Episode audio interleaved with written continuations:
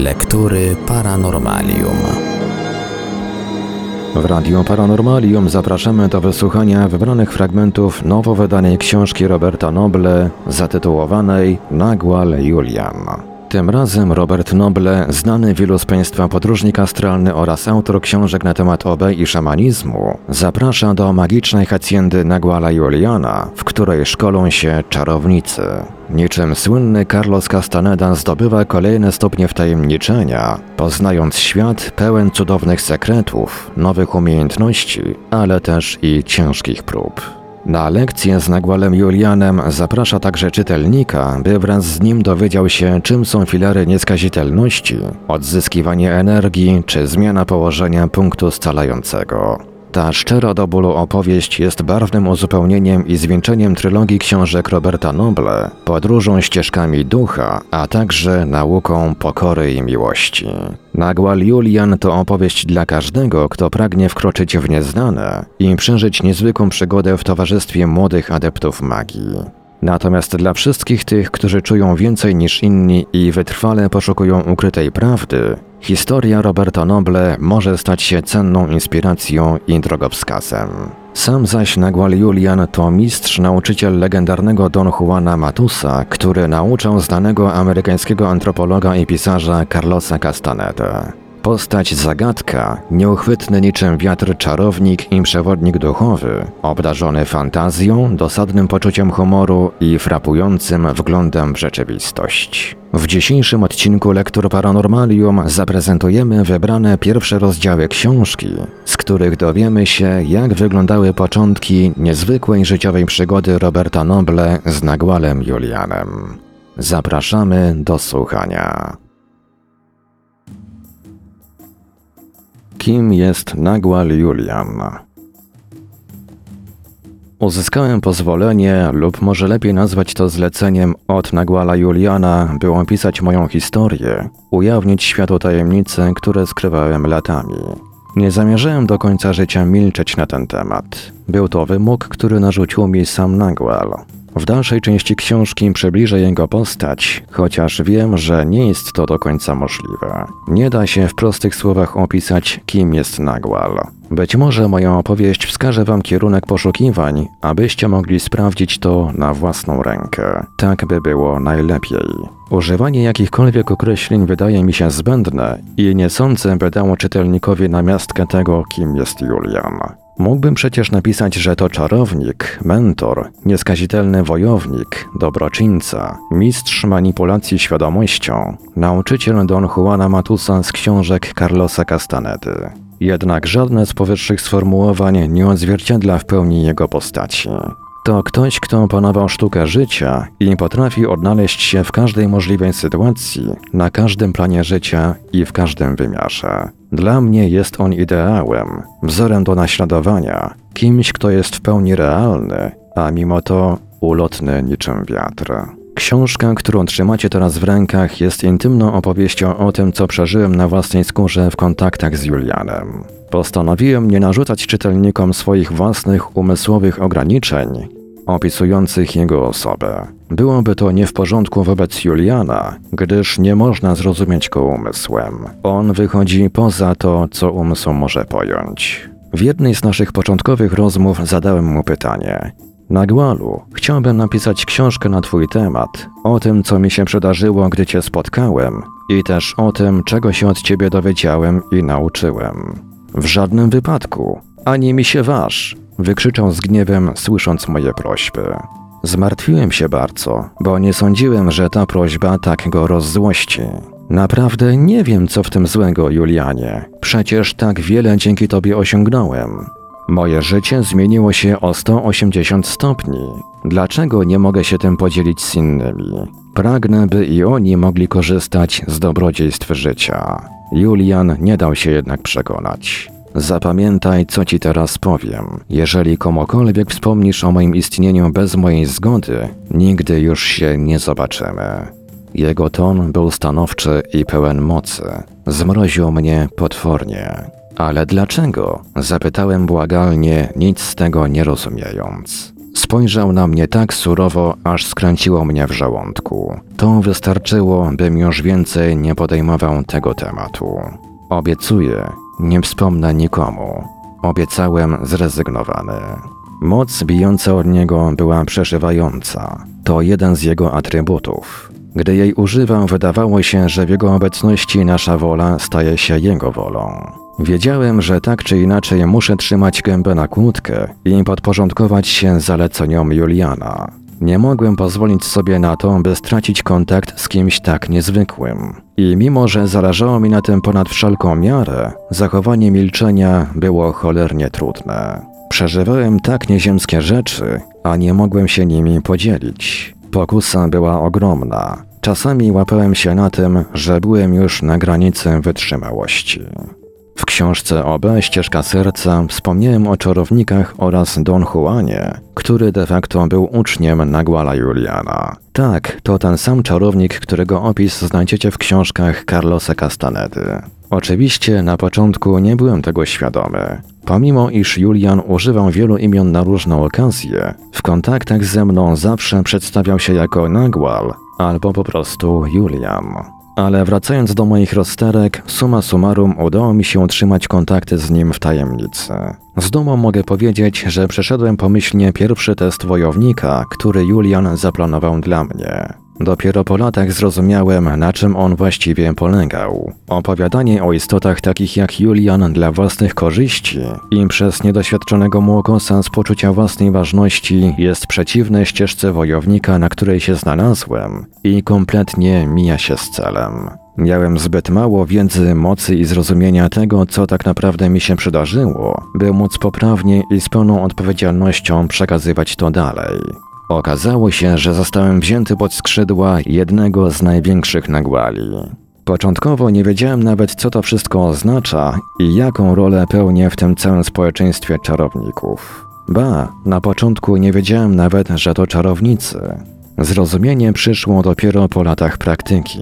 To powodowało początkowy sprzeciw mojego umysłu, który pragnął ciągłej gratyfikacji i zadowalającego zrozumienia, ale zdobywałem je stopniowo. Każdy bez wyjątku, kto wchodzi na ścieżkę czarownika, musi się z tym liczyć. Ogólnie rzecz biorąc, Nagła to przywódca grupy wojowników, którego zadaniem jest scalić swoich podopiecznych w jednym jedynym celu, by przetrwać śmierć i wyruszyć w drogę ku nieskończoności.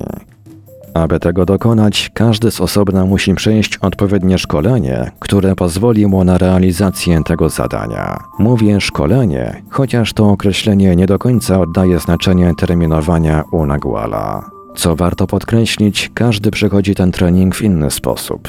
Zadania powierzane adeptom są bardzo spersonalizowane i dostosowane pod konkretny problem, z którym dany adept się zmaga. W efekcie uzyskuje umiejętność i świadomość, które współgrają z całą grupą. W dalszej części książki opiszę bardziej szczegółowo, jak to wyglądało z mojej perspektywy oraz wyjaśnię, dlaczego doświadczałem swego rodzaju amnezji związanej ze światem czarowników. Prawdę mówiąc, mało kto świadomie będzie chciał wchodzić w ten stan. I faktycznie mało kto w niego wchodzi. W głównej mierze trzeba wyzbyć się wszystkiego, co w nas fałszywe, a co było dla nas bardzo wygodne. Wizja świata, którą nabyliśmy, tak bardzo różni się od tej, którą reprezentuje Nagual, że w pierwszym odruchu chce się po prostu srać w gacie z przerażenia i uciekać do bezpiecznego, znanego świata. Nagual nigdy nie zmuszał nas do dawania ślepej wiary jego słowom. Wprowadzał nas umiejętnie w odpowiednie sytuacje, które umożliwiały nam zdobycie własnego doświadczenia, które z kolei potwierdzało wszystko to, czego nas nauczał. Początkowy sprzeciw ego jest wręcz odruchem bezwarunkowym, gdyż uważa ono za niepokojące zaufać bezgranicznie Nagualowi. Stopniowo moc Naguala przenosi się na uczniów, co jest proporcjonalne do tego, jaki wysiłek wkładają oni w poznanie świata, który reprezentuje ich mistrz. Mimo wielkiego strachu mogą dostrzec, że nie ma nic wspanialszego niż przebywanie z tak niezwykłymi istotami, jakimi są czarownicy. Świadomość czarowników funkcjonuje równocześnie na poziomie fizycznym, jak i niefizycznym, dlatego rygorystyczny trening odbywa się na obu tych płaszczyznach. Jest to konieczne, by uzyskać dostęp do pełni swej istoty. Julian mówił tak. Czarowników cechuje trzeźwość, dzięki czemu mogą działać w każdej rzeczywistości w sposób nieskazitelny.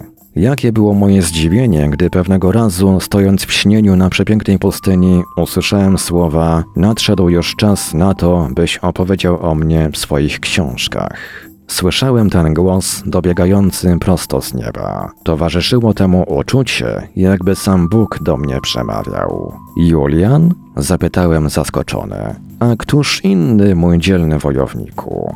Julian objął mnie od tyłu, zasłaniając mi oczy. Odwróciłem się oszołomiony. To jednak ty. Dziwne, za każdym razem wyglądasz inaczej, a mimo to wiem, że to ty. Nie przejmuj się, wygląd to sprawa umowna, dostosowana do potrzeby chwili. Odwrócił głowę, pokazując profil swojej twarzy. Zobaczyłem w nim piękną kobietę, puszczającą mi zalotnie oczko. Chyba się nie podnieciłeś, Zapytał, będąc już w pełni sobą. Wpatrywał się we mnie swoimi wybałuszonymi oczami, z ustami wyciągniętymi w dziubek. Nerwowe skurcze przebiegły mi po kręgosłupie. Wybacz, ale chyba nigdy się do tego nie przyzwyczaję. Wciąż robisz sobie ze mnie jaja. Te twoje nagłe przemiany są dla mnie mocnym wstrząsem. Mój umysł wręcz wariuje i drży ze strachu. Po prostu całkowita zmiana wyglądu nie pasuje do twojego wyuczonego obrazu świata. Też mi powód do dramatyzowania. Przewrócił oczami i pokiwał głową z niedowierzaniem. Ciągle jesteś sztywny, jak zwykły fiut. I tym razem poczułem się przy nim jak małe dziecko, niekompetentny i daleki od tych wszystkich umiejętności, jakie on posiadał. Wielokrotnie walczyłem z tym, by pokazać, że jednak stać mnie na wiele, ale gdy przychodziło co do czego, zawsze byłem sprowadzany do swojego marnego, ziemskiego poziomu. Szybko zmieniłem temat, by nie zadręczać się przemyśleniami i nie czuć się głupio. Jak to możliwe, że słyszałem głos z nieba? Miałem wrażenie, jakby sam Bóg do mnie mówił. Podobało ci się? Dokładnie taki był mój zamiar. Chciałem, by brzmiało poważnie. To nie żart, wyjaśnił. Chcę, byś opowiedział o naszych spotkaniach w swojej kolejnej książce. Zwalniam cię z milczenia. Już czas powiedzieć o tym światu. Powiedzieć? Upewniłem się z przerażeniem. Napisz książkę na ten temat. Ale ja nie umiem pisać. Pisanie to dla mnie prawdziwa katorga. Jak mam to zrobić? Początkowo chciałem, bo myślałem, że te sny, w których tak często mi pomagałeś, są wyjątkowe. Potem, gdy zacząłeś pojawiać się w moim fizycznym życiu, byłem przekonany, że oszalałem. To istne wariactwo opisać ciebie i czarownictwo. Przecież to niemożliwe. Nikt mi nie uwierzy. To nie jest praca po to, by ktokolwiek ci w to uwierzył. Ta książka ma być drogowskazem dla tych, którzy chcą zmieniać swoje życie. Świat potrzebuje teraz zwiększonego wzrostu świadomości. Dla czarownika nie ma znaczenia, czy ktoś wierzy w jego działania, czy nie. Liczy się tylko nieskazitelność. Napisałeś już kilka książek. Co to za kłopot napisać kolejną? Potraktuj to jako kolejne wyzwanie. Jesteś wojownikiem czy fujarą? E, przecież wiesz, z jaką trudnością przychodziło mi pisanie. Już się cieszyłem, bo myślałem, że nic więcej nie będę musiał pisać. Trylogia to za mało? Po co więcej? Nigdy nie uważałem się za fujarę, ale przerażała mnie perspektywa napisania kolejnej książki. Nagłal spojrzał na mnie niczym zaciekawiony ptak, przechylał głowę i patrzył na mnie raz jednym okiem, raz drugim. Zdawało się, że zupełnie nie wierzy moim słowom. Robert, przecież nie każe ci przepłynąć kanału La Manche w pław, ani stoczyć walki z wielkim niedźwiedziem Grizzly. Masz tylko napisać książkę o czarownikach, o naszym świecie. Przecież nie ma nic prostszego niż pisać o tym, czego sam doświadczyłeś. Julian przez chwilę stał zamyślony i patrzył w dal, jakby zastanawiał się nad tym, co mi jeszcze powiedzieć. Robert, spójrz na to inaczej. Trochę wysiłku, ale będą same korzyści. Nie daj się prosić. Będziesz miał kolejną książkę do zakopania. Nagle ryknął śmiechem i zaczął rękoma kopać dziurę w piasku jak piesek preriowy. Rozbawiło mnie to bardzo, bo przypomniałem sobie, do czego nawiązał z tym kopaniem.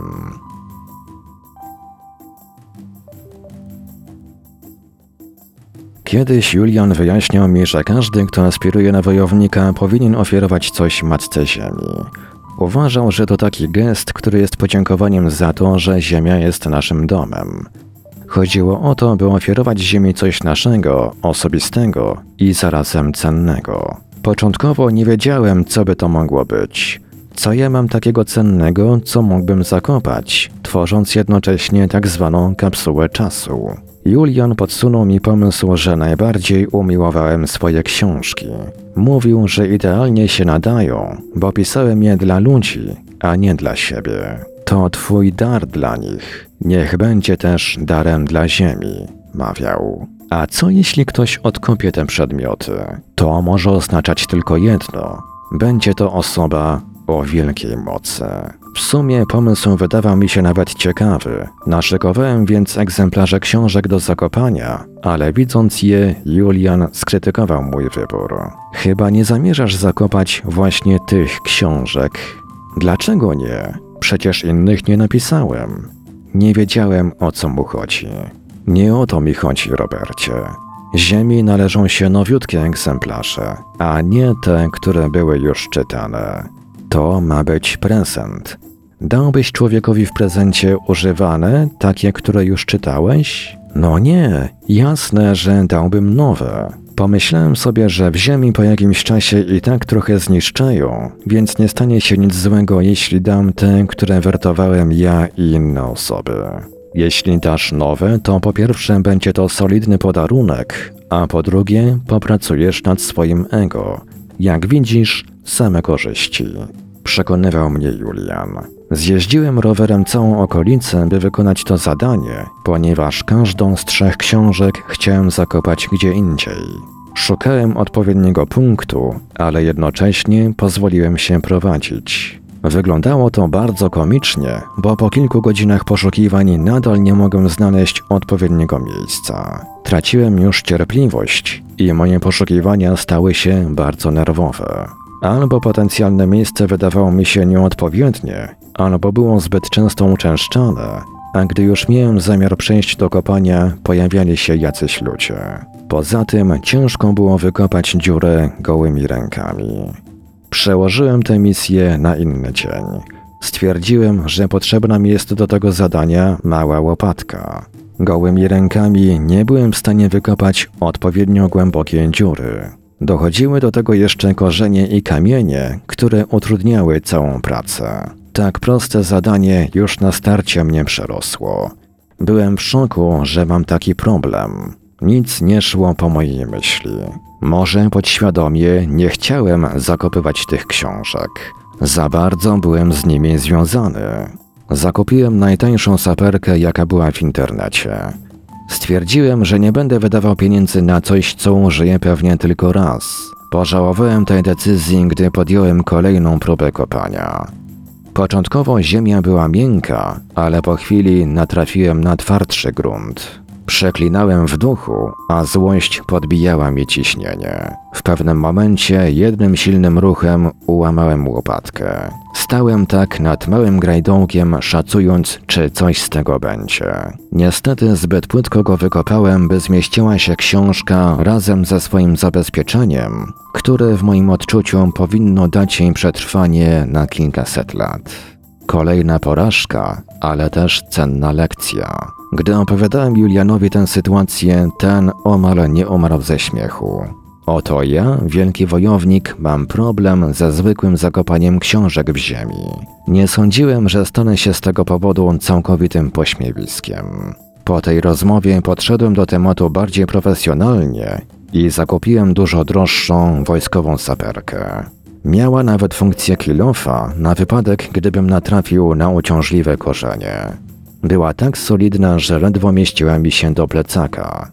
Postanowiłem wykorzystać to samo miejsce co poprzednim razem, by nie tracić już czasu na poszukiwania. Gleba była jeszcze mokra po deszczu i robota szła jak po maśle. Jedną książkę ofiarowałem ziemi. Stałem nad nią jak nad jakimś grobem. Faktycznie poczułem, że coś mnie powstrzymywało od zakopania własnej książki. W pewnej chwili poczułem jednak radość i jednocześnie ulgę, że udało mi się to zrobić. Myślę, że był to niesamowity rytuał. Wyobraziłem sobie, że być może ktoś będzie miał moc i kiedyś znajdzie tę książkę. Ja sam chciałbym odkryć takie znalezisko, bez względu na to, co by to było. Zostały jeszcze dwie i zadanie będzie w pełni wykonane. Pomyślałem. Można powiedzieć, że stałem się wprawionym zakopywaczem skarbów, bo z kolejnymi książkami poszło już o wiele łatwiej. Może dlatego, że na następną wyprawę ruszyłem razem z Chris, jedną z czarownic z grupy Juliana. Wspólnie szybko zlokalizowaliśmy odpowiednie miejsca i bezproblemowo zakopaliśmy książki. Kapsuły czasu zostały ofiarowane Ziemi. To niepozorne zadanie okazało się w moim przypadku strzałem w dziesiątkę. Julian jak zwykle wiedział, co będzie dla mnie najlepsze. A teraz zachęcał mnie do pisania kolejnej książki, którą będę mógł ofiarować światu. Cóż, zapewne to właśnie powinienem zrobić. Czemu jednak czuję taki opór? Zrezygnowany spuściłem głowę, a gdy ją podniosłem, w oddali zobaczyłem idącą postać, która niemal wtapiała się w pustynne otoczenie. Zbliżała się szybkim krokiem. Wytężyłem maksymalnie wzrok. O jasna cholera, to przecież, przecież to Carlos Castaneda. Ciężko go dokładnie opisać, bo fizycznie wyglądał na dojrzałego, ale biła od niego niesamowita młodość i wigor. Pomimo wieku nie miał żadnych zmarszczek. Miał śniadą cerę i krótkie, kręcone czarne włosy. Ubrany był w beżowy lniany garnitur, a na stopach miał letnie mokasyny, które idealnie pasowały do stroju. Dodatkowo przez ramię miał przewieszony brązowy skórzany plecak. Emanował dobrocią, radością i spełnieniem. Julian machnął do niego ręką i zawołał do siebie. Hej, Carlito, chodź tu na chwilę. A gdy ten już się zbliżył, Julian oznajmił: Weź powiedz młodemu, że pisanie książek to wcale nie taka trudna sprawa, zwłaszcza dla nieskazitelnego wojownika. Jesteś wojownikiem? zapytał Carlos, zwracając się w moją stronę. Zatkało mnie to pytanie i sama jego obecność. Nie wiedziałem, co powiedzieć, zatraciłem możliwość mówienia. Próbowałem ruszać ustami, ale moje myśli nie chciały wydostać się z nich. W sumie nie wiedziałem, co chcę powiedzieć. Z jednej strony chciałem być taki jak on, pragnąłem być wojownikiem, ale z drugiej miałem pełną świadomość, że było mi do niego daleko. Ostatecznie wydobyłem z ust dźwięk, jakbym mówił pod wodą, lub też po prostu puścił bąka. Obaj wybuchnęli donośnym śmiechem. A ja byłem jeszcze bardziej zażenowany niż chwilę wcześniej. Carlos spojrzał na mnie z politowaniem i pokiwał głową. Patrzył na mnie jak na małe dziecko. Czułem, że doskonale rozumie, co przeżywam. Nim moja otwarta szczęka wróciła do swojej normalnej pozycji, Carlos wyjął coś z plecaka. Była to pięknie oprawiona książka. Miała grubą, złoconą oprawę i była wielkości encyklopedii. Wręczył mi ją z błyskiem w oku. Otwórz na dowolnej stronie, polecił. Zrobiłem jak prosił i ujrzałem wielki jak wół napis Wewnętrzna cisza. Przewertowałem kolejne strony, ale było na nich to samo stwierdzenie. Litery nie zmieniały kształtów, ani nie rozmazywały się. Nie wiedziałem, co o tym wszystkim myśleć, więc już chciałem okazać swoje rozczarowanie Carlosowi, lecz gdy uniosłem wzrok z nad książki, jego już nie było. Rozpłynął się w powietrzu. Gdzie on jest? Carlos? Zapytałem z niedowierzaniem. Wystarczy, że spiszesz to, co pamiętasz. Julian szturchnął mnie łokciem i pokazał swoje białe jak śnieg zęby. Przez chwilę faktycznie zapomniałem o jego istnieniu. Jakby zmaterializował się po to, bym ocknął się z tego transu, w którym znalazłem się za sprawą Carlosa. Dobrze, zrobię co w mojej mocy. Obiecałem, lekko tym wszystkim przerażony. Zacząłem zastanawiać się, od czego tu zacząć, jak opisać te spotkania. Wewnętrzna cisza? Nim się spostrzegłem, Nagłala już nie było, a ja czułem, jak tracę energię śnienia i wiedziałem, że za chwilę powrócę do ciała. To uczucie zawsze było przytłaczające i zdarzało się w najmniej spodziewanym momencie. Podczas procesu powracania usłyszałem jeszcze głos z nieba: Może zacznij od tego, jak użyczyłem ci swojego sprzymierzeńca. Lektury Paranormalium. Don Juan Matus. Około pięciu lat zajęło mi nauczenie się świadomego opuszczania ciała. Jak wspominałem wcześniej, nieudane próby uważałem za stracony czas, chociaż po czasie zrozumiałem, że dzięki nim opanowałem umiejętność relaksacji ciała i wchodzenia w wewnętrzną ciszę. Ciągle jednak poszukiwałem sposobu, by doznawać świadomości poza ciałem jak najczęściej. Stąd też pochłaniałem wszystkie książki i artykuły na ten temat. Tym sposobem natrafiłem na najbardziej interesującą książkę zatytułowaną Sztuka śnienia autorstwa Carlosa Castanedy. Była to pozycja obowiązkowa wśród osób zajmujących się świadomym śnieniem. Cała książka wydawała mi się wtedy bardzo abstrakcyjna, mało realistyczna, może poza jedną skuteczną metodą, jaką było odnajdywanie swoich dłoni we śnie. Słowa nauczyciela Carlosa, Don Juana Matusa bardzo do mnie przemawiały. Potwierdzały to, czego sam mogłem dokonać. Jednakże cała reszta przekazywanej przez Don Juana wiedzy była mi zupełnie obojętna.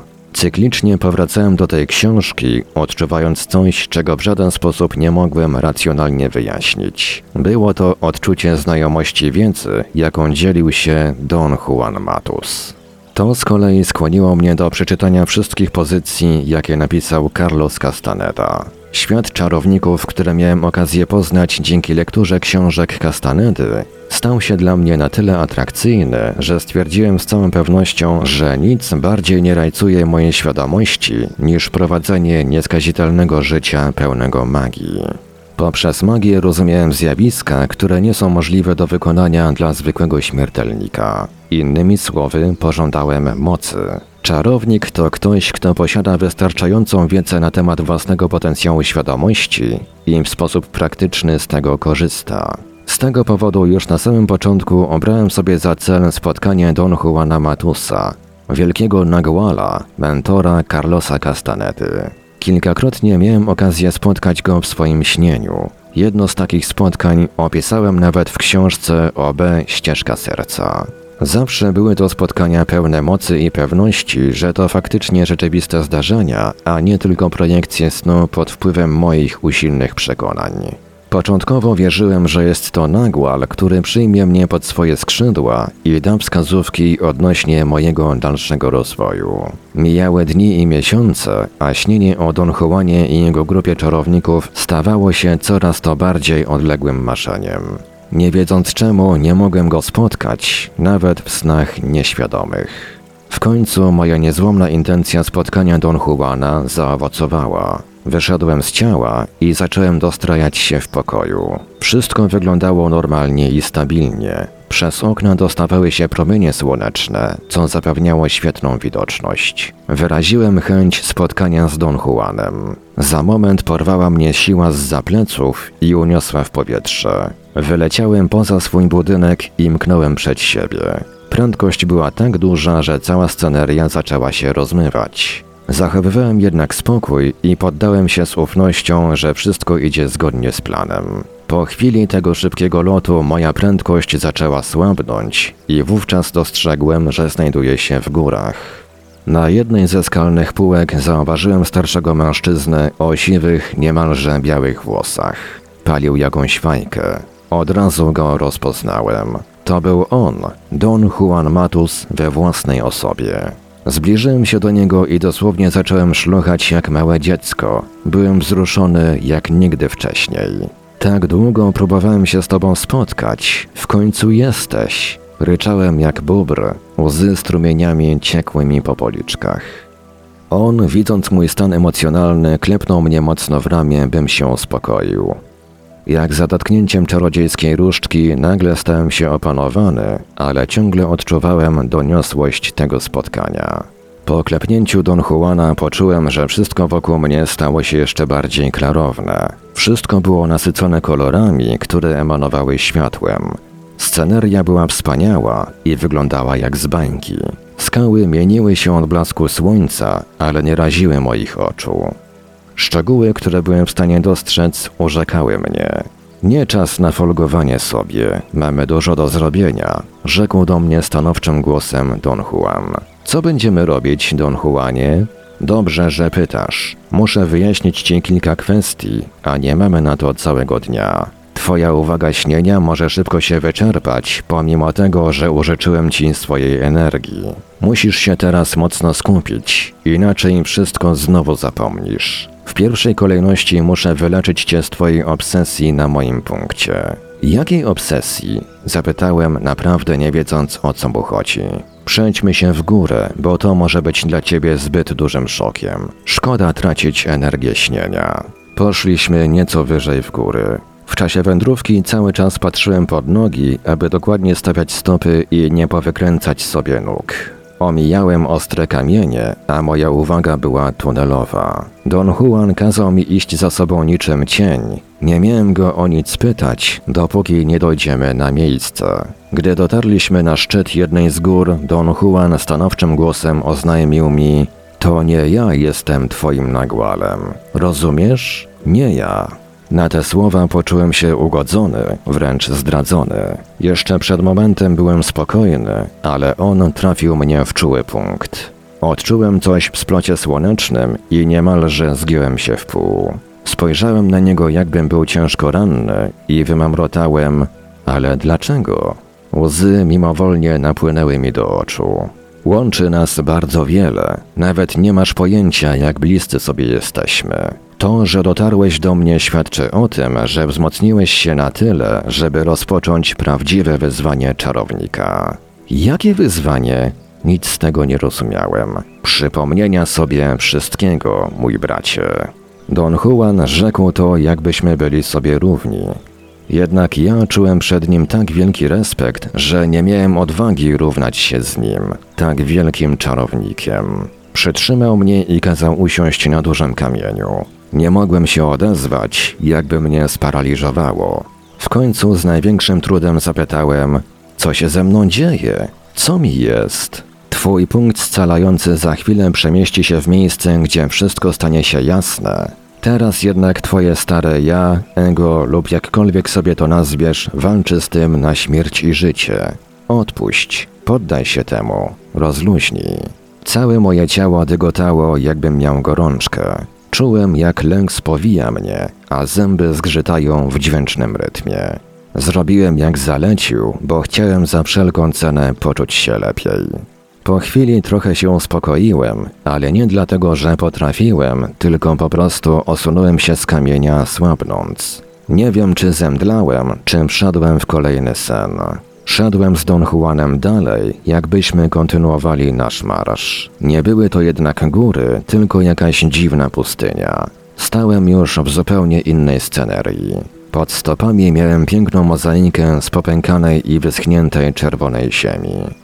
Wokół rosły jakieś skąpe krzaki. Było dużo skał i trochę drzew, które wyglądem przypominały bulwy jakichś warzyw, z tą różnicą, że były o wiele większe. Słońce stało wysoko na niebie i czułem, jak przyjemnie ogrzewa moje ciało. Miałem wrażenie, że jestem podłączony pod prąd. Przechodziły przeze mnie dziwne fale energii. Wiatr, który mnie owiewał, jednocześnie oczyszczał mnie i przynosił ulgę. Don Juan zatrzymał się i wskazał ogromne drzewo w oddali. Widzisz to drzewo? Tam musimy dojść. Widzę, ale co to za drzewo, Don Juanie? Co tam jest takiego niezwykłego? To drzewo to baobab, podobnie jak to, którym przed chwilą mijaliśmy. Z tą różnicą, że oprócz tego, że jest drzewem, jest przede wszystkim czarownikiem. Odparł. Czarownikiem? Zapytałem z niedowierzaniem. Tak, to drzewo jest czarownikiem. Co więcej, jest z nami blisko spokrewnione. Idziemy mu na spotkanie, dlatego musisz teraz wspiąć się na wyżyny swojej nieskazitelności. Ale jak to możliwe? Myślałem, że tylko człowiek może być czarownikiem. Nic bardziej mylnego. Każdy, kto przesuwa punkt scalający, może stać się czarownikiem. Czy będzie to roślina, czy zwierzę, czy człowiek. Każda żywa istota ma tę możliwość, a ta, która z niej korzysta, to czarownik. Pogrążyłem się w myślach, nie wiedząc już nawet o co jeszcze mógłbym zapytać. Szliśmy w kierunku drzewa, które potrafiło przesuwać swój punkt scalający. Z jakiegoś niezrozumiałego powodu przerażało mnie to. A co jeśli to prawda? Nie mogłem tego pojąć. Don Juan jakby przejrzał moje rozterki i stanowczym głosem zażądał: Skończ te swoje umysłowe gierki. Na nic ci się to teraz nie przyda. Wiem, że masz problem z zaakceptowania faktu, że ten baobab jest istotą świadomą, a do tego jeszcze potrafiącą przesuwać swój punkt scalający. Widzę, jak trzęsiesz portkami na samą myśl o spotkaniu z nim. Niestety przejrzał mnie na wylot. To prawda, boję się tego spotkania i nie mam pojęcia dlaczego. Gdzieś sobie wmawiam, że to jednak jakieś bzdury. Naprawdę czuję jakieś zagrożenie, Don Juanie. Boisz się, bo twój umysł wie, że zostanie poddany ciężkiej próbie, wręcz atakowi. Na szczęście wiem, że pomimo tego strachu nie wycofasz się, bo masz masochistyczne tendencje. Teraz wykorzystamy ten twój aspekt. I była to najprawdziwsza prawda. Pomimo tego, że bałem się i nogi drżały mi jak galareta, uparcie szedłem na spotkanie z Baobabem. W pewnym momencie nawet pomyślałem, że będzie to mój koniec, że śmierć spojrzy mi w oczy i będzie po mnie. Nie wiem skąd wzięły się te mroczne przeczucia.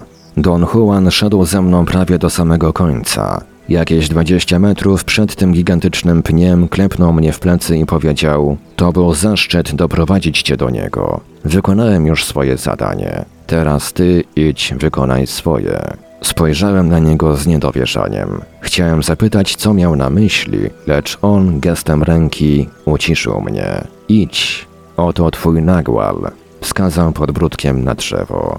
Spojrzałem w stronę drzewa, a tam siedział mężczyzna leśniący jakimś niebieskim światłem. Szedłem w jego stronę powoli, krok za krokiem, wpatrując się w to niesamowite lśnienie, które przybrało po chwili kolor złota. Z jednej strony czułem wszystko z perspektywy mojego ciała, a z drugiej oglądałem to wszystko jakby z boku. Szedłem przyciągany siłą, której w żaden sposób nie mógłbym się przeciwstawić. A może wcale bym nie chciał tego robić. Wiatr sam popychał mnie w stronę siedzącego pod drzewem mężczyzny. Jeśli istnieje coś takiego jak przeznaczenie, to właśnie wtedy ono się wypełniało.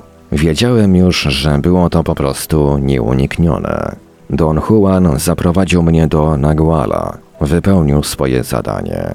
Gdzieś na innym poziomie świadomości wiedziałem, co się dzieje. Nie mogłem jednak sformułować żadnej myśli, która w pełni oddałaby moje emocje, a ja poczułbym się w pełni komfortowo. Byłem już bardzo blisko siedzącej postaci i wtedy stała się rzecz niezwykła. Do mojej świadomości zaczęły napływać wspomnienia. Dosłownie niczym ptaki zlatujące z nieba wnikały we mnie i dawały mi wgląd. Widziałem różne sceny ze swojego dzieciństwa. Odczuwałem wszystko bardzo wyraźnie, jakby działo się to przed chwilą. Co więcej, wszystko rozumiałem. Każdy gest, słowo i zdarzenie miało duchową głębię. Ciągle wpatrywałem się w medytującą postać pod drzewem. Wszystko wokół stało się mniej znaczące, sceneria zaczęła się rozmywać. Zaczęły też dobiegać do mnie różne dźwięki, które stawały się coraz głośniejsze i intensywniejsze. Brzmiały jakby pochodziły z dalekiego wschodu, chociaż dałbym głowę, że nigdy wcześniej nie słyszałem niczego podobnego. To była muzyka z wibracji. Wszystko się nią stawało, a im natężenie wzrastało, tym bardziej działało na moją energię poruszało serce i całego mojego ducha. Trwało to, jak mi się wydawało, bardzo długo i jakby czas stanął w miejscu. Mimowolnie usiadłem przed postacią, skrzyżowałem nogi i zamknąłem oczy, poddając się medytacji. Po chwili, która wydawać by się mogła wiecznością, zacząłem powoli otwierać oczy. Najpierw lewe oko. Było to bardzo płynne i dostojne z mojej strony. Wówczas zauważyłem, że medytujący przede mną mężczyzna robi dokładnie to samo. Jemu też otwierało się lewe oko. Odniosłem wrażenie, jakbym przeglądał się w lustrze, z tą różnicą, że z wyglądu byłbym kimś zupełnie innym. Nie miałem wtedy żadnych myśli. Byłem otaczającą mnie muzyką, dźwiękiem, wibracją. Gdyby nie to, że posiadałem jakieś ciało, pokusiłbym się o stwierdzenie, że nie jestem już człowiekiem. Mimo wszystko czułem się bardzo bezpiecznie i z całą pewnością moje stare ja ciągle tam było. Otwierałem powoli prawe oko i to samo uczyniła lśniąca postać. Patrzyliśmy tak na siebie w stanie wiecznego szczęścia. Nagle w mojej niezmąconej niczym świadomości usłyszałem jakby małe bzyknięcie komara. O kurwa, przecież to mój nagłal, Julian. To był głos Roberta, jego ego, czy jak tego nie nazwać. Było to nadzwyczaj zabawne i nagle miliardy głosów śmiało się z tego, chociaż bardziej to wiedziałem niż słyszałem. Gdy to nastąpiło, nasze twarze ogarnął majestatyczny uśmiech. To było tak piękne, że nie sposób tego opisać żadnymi słowami. Otworzyłem oczy, które były całe we łzach. Poduszka również była cała mokra. Ciężko mi było dojść do siebie. Przez dobrą chwilę nie wiedziałem, gdzie jestem, w jakim życiu i w jakim czasie. I gdy tak leżałem, rozpuszczając ten wszechogarniający paraliż, wówczas dotarło do mnie wspomnienie Nagłala Juliana, który przyszedł, by dać mi wolność. Lektury Paranormalium. W czepku urodzony. Silne przeżycie spowodowane spotkaniem Juliana sprawiło, że odblokowałem część wspomnień z nim związanych.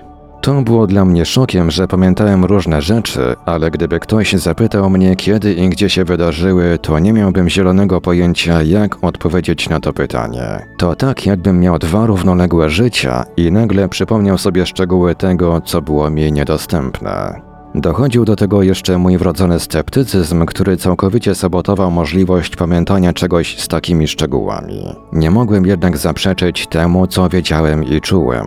Ogólnie rzecz biorąc, nie mogłem znaleźć żadnych kontrargumentów, by temu doświadczeniu jakoś zaprzeczyć. Mój racjonalny umysł szukał różnych rozwiązań, lecz żadne nie było zadowalające. Powodowało to silny rozdźwięk w psychice i rzutowało na mnie fizycznie. Próbowałem nawet oszukiwać siebie, że to przez OB całkowicie mi odwaliło i stąd te rozdwojone wspomnienia. Problem polegał jednak na tym, że to świat fizyczny wydawał mi się mało realny, niczym sen.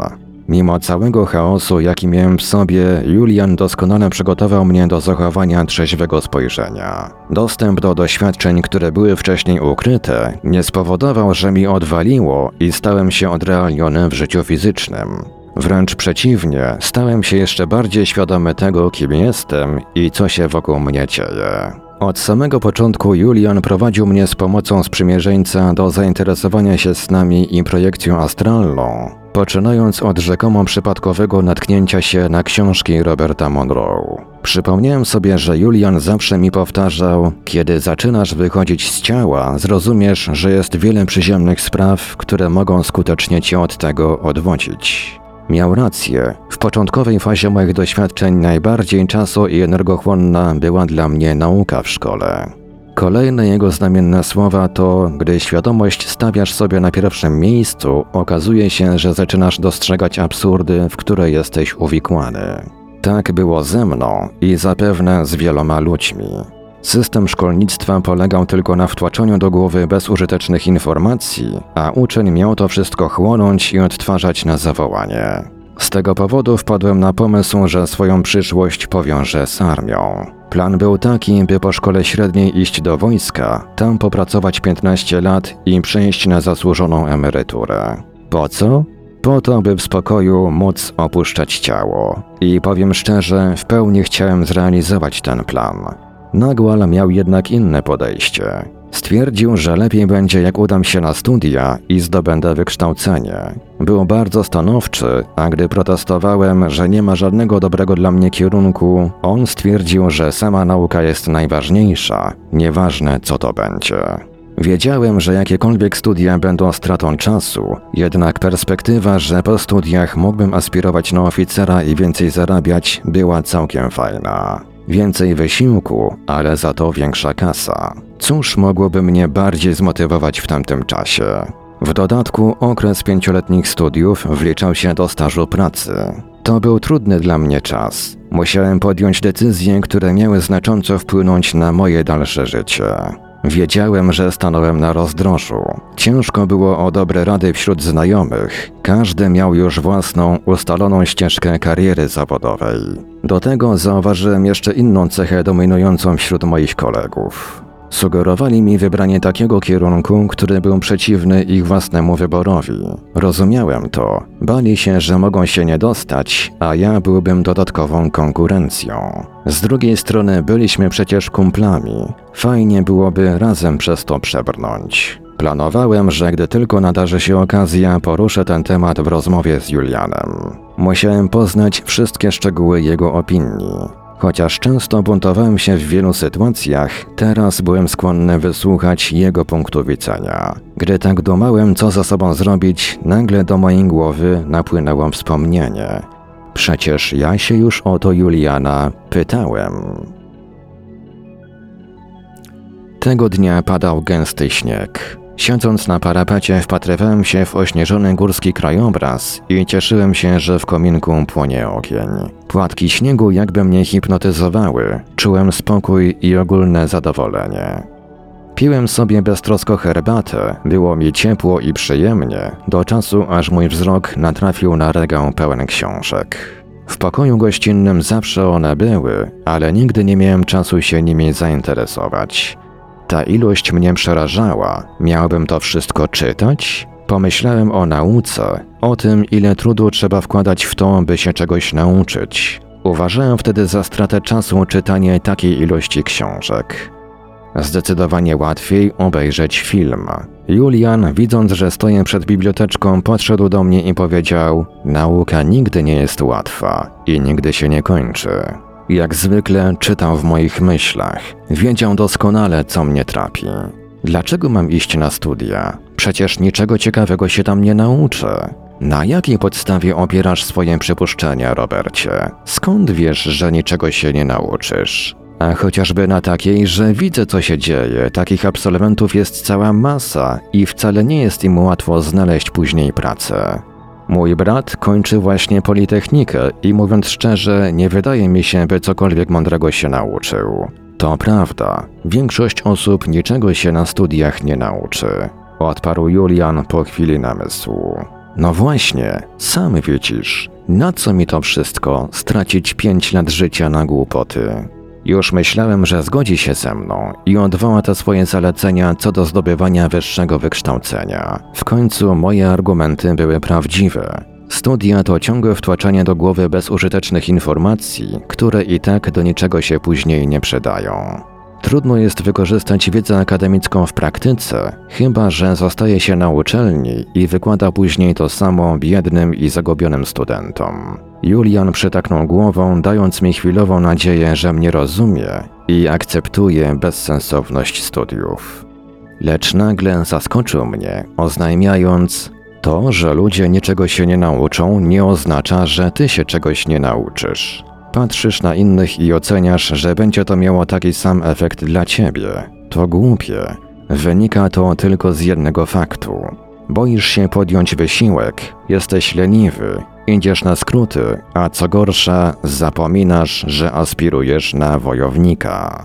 Miał rację, a jednak broniłem swojego zdania. A czy wojownik nie unika głupich walk? Nie traci przecież swojej energii na bezcelowe działania. To prawda, wojownik tego nie robi. Nie wdaje się w sytuacje, które są dla niego niekorzystne i prowadzą do zagłady. Ty jednak nie rozróżniasz jeszcze, co jest polem bitwy i jakie trofeum jest do zdobycia. Co jest polem bitwy, a co trofeum? Wyjaśnij mi, bo nie rozumiem.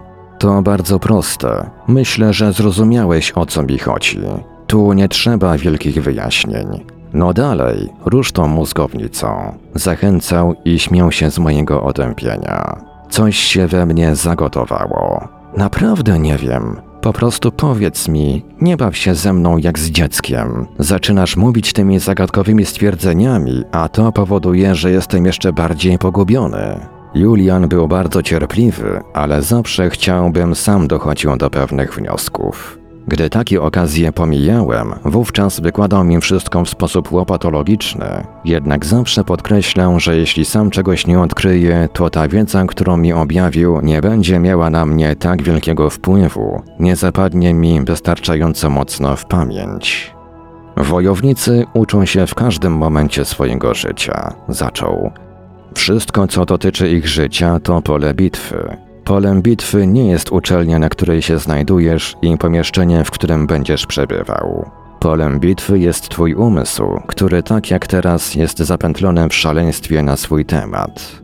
Niektórzy z grupy muszą zrobić coś odwrotnego, gdyż ich ambicje spowodowałyby ich upadek. Lecz twoja sprawa wygląda inaczej. W twoim przypadku umysł podpowiada ci, że lepiej uniknąć wysiłku, ponieważ nie ma z tego żadnej nagrody. Trofeum wojowników to ujarzmienie umysłu i zdobycie mocy. Tym właśnie się zajmujemy. Pracujemy nad naszymi słabościami i doskonalimy nasze umiejętności, czymkolwiek by one nie były. Nieważne czego się uczysz, ważne co zrobisz, by osiągnąć zamierzony cel. Nie jest ważne czego będziesz słuchać na wykładzie, ale to, czy będziesz w ogóle słuchać. Rozumiesz, co mam na myśli? Przytaknąłem głową, że rozumiem, ale ciągle miałem w sobie poczucie buntu.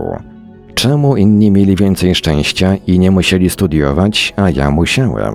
Ja nie chciałem iść na studia. Ja nie chciałem iść na studia, to miałem na nie iść, a ci, co by chcieli robić doktoraty, to nie mogli. Ale głupota. To marnotrawstwo potencjału. Jeszcze przez pewien czas w tym tonie żaliłem się Nagłalowi. Prawda była taka, że szukałem łatwiejszego sposobu na to, by zdobywać umiejętności wojownika. Julian ponownie przejrzał moje myśli, bo po chwili stwierdził, że wojownicy świadomie poszukują ciężkich wyzwań. Dla innych wyzwaniem jest okiełznać swoje ambicje. W naszej grupie najbardziej odczuły to Chris i Olinda. Ich ambicje sięgały zenitu. Wojownicy oczywiście umiejętnie szacują swoje szanse na sukces, nie porywają się z motyką na słońce. Wojownicy to nie idioci. Nie są zaślepieni chorymi obsesjami na swój temat, dlatego mogą podjąć się wyzwań nieludzkich i osiągać w nich sukcesy. Julian podkreślił z całą stanowczością, że w jego grupie jest miejsce tylko na wojowników. Inni nie są w stanie udźwignąć trudów nauki zsyłanych przez ducha. Ja nie chciałem być mięczakiem, chociaż tak się czułem. Znowu musiałem nabrać pokory i przyznać, że być może Julian ma rację. Wiedziałem, że ją ma. On zawsze był nieomylny. Czemu jednak ciągle dotyka mnie ten sam problem związany z zaufaniem? W głębi ducha i tak zazdrościłem innym tego, że nie musieli iść na studia. Zbierało mi się na płacz i miałem ochotę dalej skarżyć się na swój los, ale Julian zauważył mój stan i zaczął mnie rozśmieszać, śpiewając zabawną piosenkę. Czułem się jak małe dziecko, które po chwili zauważyło, że najważniejsza jest zabawa i dobre samopoczucie. Piosenka dotyczyła zwykłego człowieka, który robił niezwykłe rzeczy. Nie pamiętam dokładnie słów, były jednak doskonale akcentowane i rymowane. Julian wybijał rękoma rytm i mruczał. Do tego mimika jego twarzy była tak zabawna, że musiałem zareagować śmiechem. Płomienie w kominku tańczyły w rytmie jego słów. Odczuwałem radość, ale również przerażenie związane z tym, jakich wyborów mam dokonać. Czułem, że chcę być taki jak on, móc odnaleźć się w każdej możliwej sytuacji z pełną kontrolą, a jednocześnie brać to tak lekko i z radością. Płakałem ze śmiechu i trząsłem się w środku. Pod wpływem jego piosenki zadeklarowałem, że złożę swoje podanie na jakieś studia. Bardzo niechętnie, ale złożyłem dokumenty na studia na Uniwersytecie Przyrodniczym w Poznaniu. Aby zostać przyjętym na wybrany przeze mnie kierunek, niezbędne było przystąpienie do egzaminu z matematyki. Normalnie nabór tego nie przewidywał, ale było tak dużo chętnych, że trzeba było wyłonić tych najlepszych. Ciągle jednak knułem, że sama matura mi do wojska wystarczy i jak mnie nie przyjmą, to wcale się tym nie zmartwię. Najwyżej nie będę studiować. Julian był zadowolony, a ja udawałem, że wypełniam jego zalecenie co do joty. Pomimo iż podjąłem decyzję o tym, że będę studiował, to i tak gdzieś podświadomie myślałem sobie, że nie uda mi się tam dostać i będę wolny.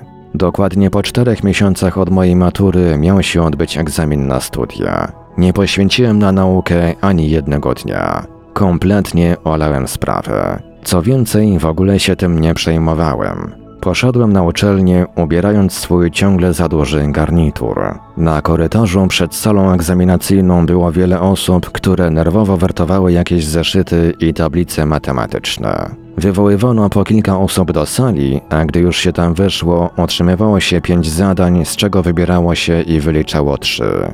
Następnie trzeba było porozmawiać z komisją składającą się z czterech osób. Stałem z dala od tłumu, oparty o ścianę jak jakiś odludek, który w ogóle nie pasował do otoczenia.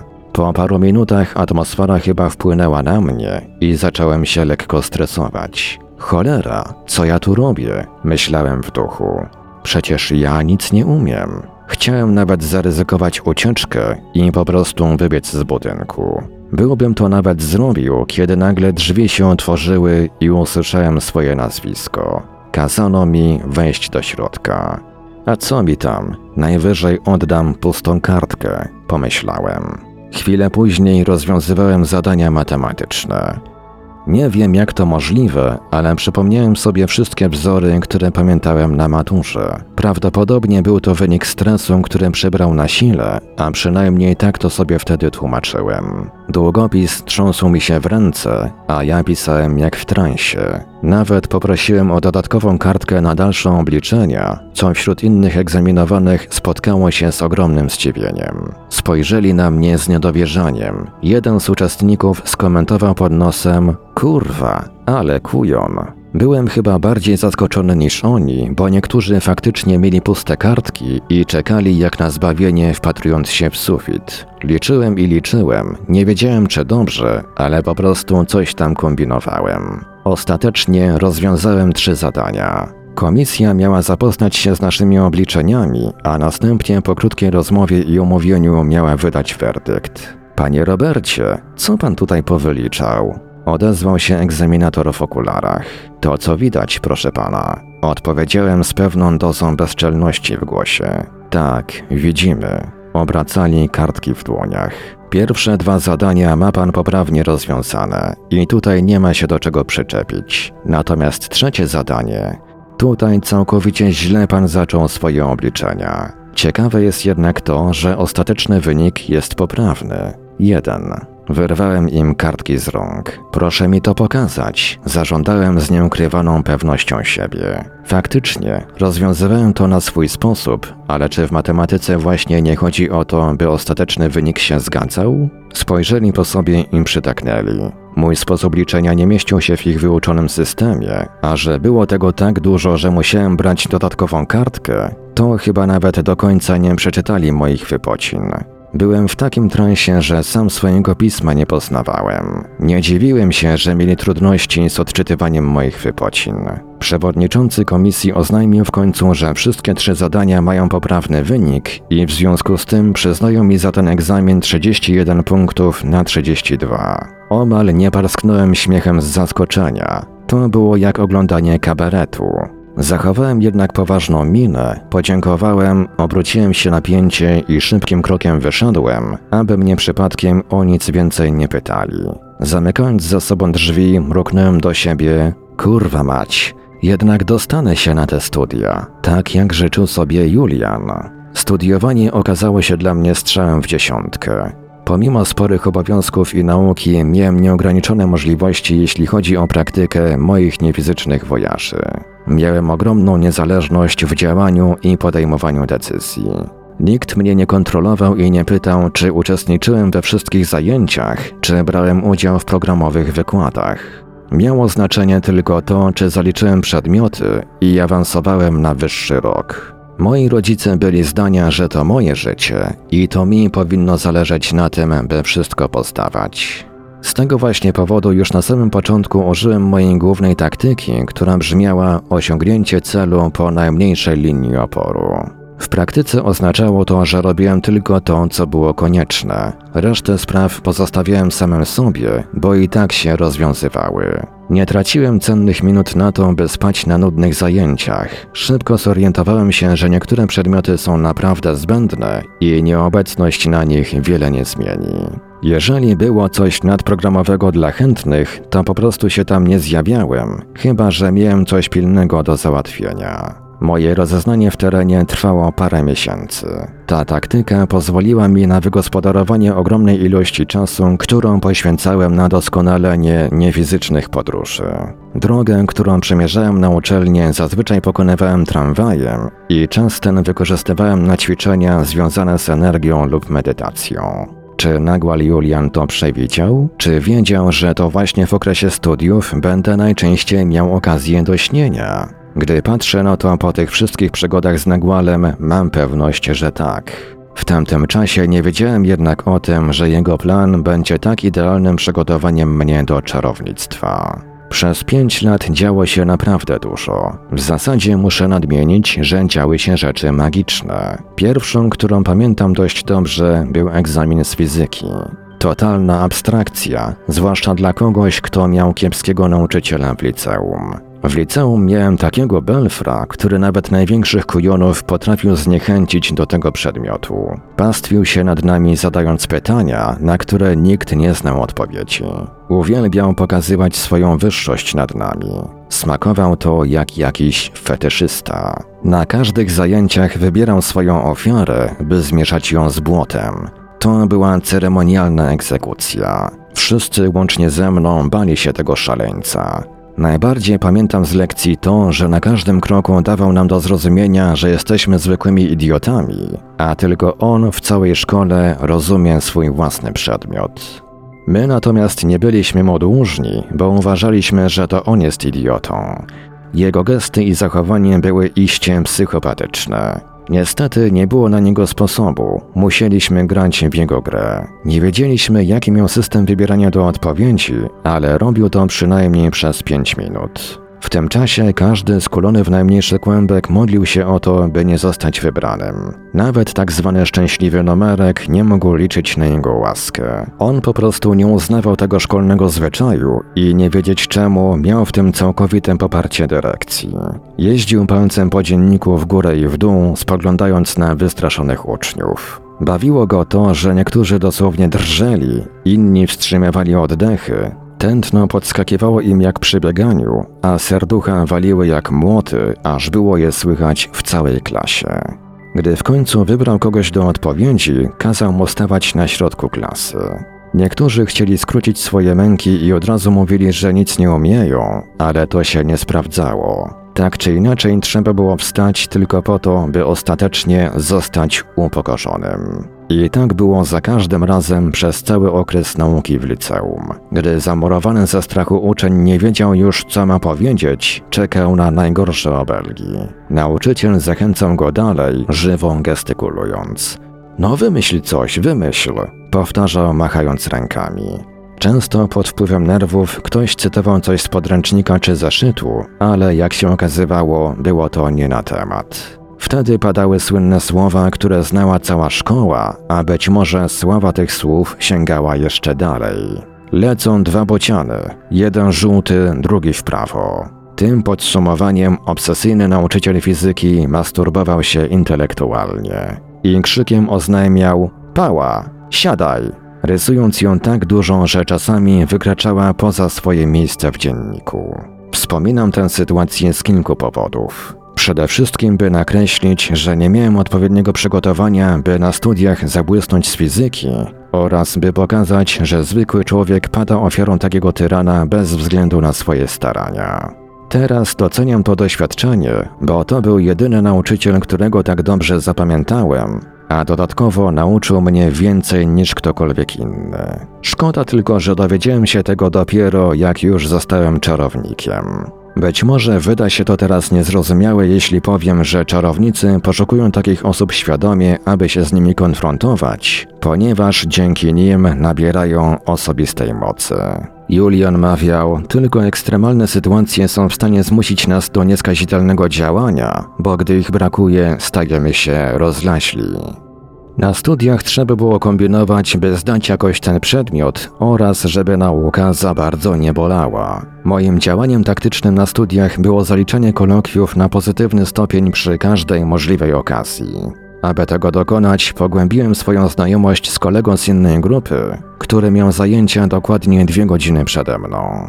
Wystarczyło tylko otrzymać zadania i zdobyć poprawne rozwiązania, potem nauczyć się tego na kolanie i wykazać się w czasie kolokwium fotograficzną pamięcią. Wszystko szło świetnie, dopóki nauczyciel nie zorientował się, że ostatnia grupa zalicza wszystko na bardzo dobre stopnie. To skłoniło go do tego, by każdej grupie dawać inne losowe zadania. Dodatkowo studenci pierwszej grupy byli naprawdę wkurwieni, że zdają wszyscy inni, ale nie oni. Sprawy zaczęły komplikować się do tego stopnia, że praktycznie połowa osób na roku kwalifikowała się do egzaminu końcowego, który miał wykazać, czy zda się przedmiot, czy otrzyma warunek. Jakby nie patrzeć, w takich miejscach liczy się po prostu kasa.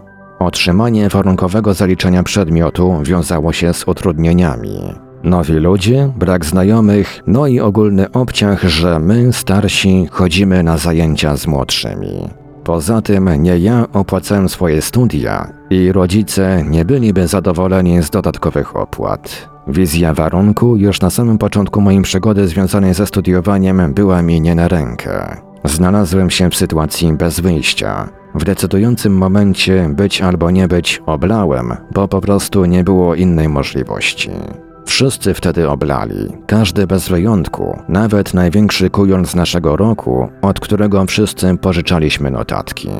Była to celowa zagrywka Belfra, który nas uczył. Dał nam zadania nie do rozwiązania. Nauka nie poszła w las. Zauważałem mechanizmy, które kierowały ludźmi. To coś, o czym zawsze mówił mi Julian. Nawet jeśli nie nauczysz się tego, co ci wykładają, nauczysz się innych wartościowych rzeczy. I tak właśnie było. Jeśli wkurzyliśmy nauczyciela, on chciał wkurzyć nas. Jeśli jesteś dla kogoś chamski, to nie myśl, że on będzie dla ciebie miły. Proste, tak proste, a jednak wielu miało z tym problem. Wykorzystywali innych, nie dając od siebie nic w zamian. Wiedziałem, że energia w przyrodzie musi być zachowana, dlatego jeśli korzystałem z pomocy innych, miałem świadomość tego, że moim obowiązkiem jest również pomagać. Współpraca to kolejny aspekt nauki, który opanowałem na studiach w sposób zadowalający. Żaden z wykładowców nawet nie wspomniał, jak istotna to kwestia. Nim się spostrzegłem, siedziałem przed zamkniętą salą, czekając na swoją kolej, by zaliczyć cały rok z fizyki na egzaminie ustnym. Trzęsła mi się ręka, gdy czytałem coś na temat parowania substancji, jej gęstości i innych rzeczach. Czytałem różne definicje, ale kompletnie ich nie rozumiałem. Były pisane jakimś kompletnie obcym dla mnie językiem. Starałem się wówczas wyobrazić sobie to, o czym czytam i na swój sposób zrozumieć chociaż trochę. I jak zawsze z tych nerwów traciłem pamięć o tym, co przed momentem przeczytałem. Wtedy zostałem poproszony do sali, by udowodnić swoją wiedzę z fizyki. Abstrakcyjna sytuacja ponownie zagościła w moim życiu. Oto stoję wyprostowany na baczność jak w wojsku i mam zdawać coś, o czym nie mam zielonego pojęcia. Żartem przewodnim jest to, że mój starszy brat ukończył studia na kierunku fizyka techniczna, a ja nawet nie wpadłem na pomysł, by poprosić go o pomoc w nauce. Rzucony w wir tych stresujących wydarzeń, spoglądałem jednak na to jakoś z góry. W pewnym momencie zorientowałem się, że coś mówiłem. Wyjaśniłem jakąś skomplikowaną definicję, chociaż miałem wrażenie, że mówiłem byle mówić. Nauczyciel potakiwał głową. Dobrze, dobrze, tak. Zgadza się. Gdy skończyłem swoją, jak mi się wydawało, długą przemowę, zamyślony nauczyciel spojrzał w sufit. Dostrzegłem jego podkrążone oczy, świadczące o tym, że facet kompletnie się nie wysypiał, a w dodatku nałogował pił kawę. Śmierdział tytoniem, co wzmocniło moją koncentrację, gdy powstrzymywałem się z odruchem wymiotnym. Biedny gość, pomyślałem. My, studenci, narzekamy na niego, ale on zapewne nie ma łatwego życia. Po krótkiej chwili wymyślił dla mnie kolejne zadanie. Teorię znasz, widzę, że się sporo nauczyłeś. To może podaj mi teraz jakiś wzór i omów jego parametry. Profesor dał mi dowolność wyboru. Podałem ostatni wzór, jaki akurat przeczytałem przed wejściem do sali, bo tylko ten jeden zapamiętałem. Wyjaśniłem znaczenie symboli, rysując je zgrabnie na tablicy. Ręka sama mi pisała, jak w jakimś piśmie automatycznym. Sam aż nie dowierzałem, że dzieje się to naprawdę. Kompletnie nie rozumiem, czemu pan tu jest, panie Robercie. Spojrzał na mnie z nad okularów. Przecież pan to wszystko umie. Tak, panie profesorze. Uczyłem się całe dwa tygodnie. Skłamałem skonfudowany. Zauważyłem zadowolenie w jego oczach i uśmiech, który rysował się na jego twarzy. Słysząc moje słowa, chyba ucieszył się, że ktoś mógł poświęcić tak dużo czasu na zgłębianie tajników jego przedmiotu. Spojrzał w mój indeks, przewertował strony, po czym wpisał ogromną piątkę. Wiedziałem to jak w zwolnionym tempie. Mój wzrok powiększył tę ocenę chyba pięciokrotnie, a ja całą siłą woli powstrzymywałem się, by moja szczęka nie otwierała się szerzej niż wypadało. Wziąłem głęboki, lecz dyskretny oddech, serdecznie podziękowałem nauczycielowi i radosnym krokiem wymaszerowałem z sali. Na korytarzu wszyscy rzucili się na mnie jak sępy. Jakie były pytania? Zdałeś? Mów, co tam się działo. Żądali. Opowiedziałem zgodnie z prawdą, że mówiłem coś, o czym nie wiem. Po prostu mówiłem coś własnymi słowami. I w ogóle nie miało to nic wspólnego z tymi definicjami z notatek. Nikt nie chciał uwierzyć. Musiałeś nieźle zakuwać, Robert, skoro zdałeś i to na piątkę. Ale z ciebie kutas, pieprzony kujon. Wołali z zazdrością w oczach inni studenci. Kurwa, naprawdę nic nie umiałem. Przekonywałem ich, ale bez rezultatu. Nikt mi nie wierzył. Każdy miał mnie za jakiegoś cholernego oszusta. Jeden z mniej rozczarowanych kolegów skwitował krótko. Robert, ty to jesteś w czepku urodzony. Było to stwierdzenie, które pozostało ze mną przez cztery kolejne lata na uczelni.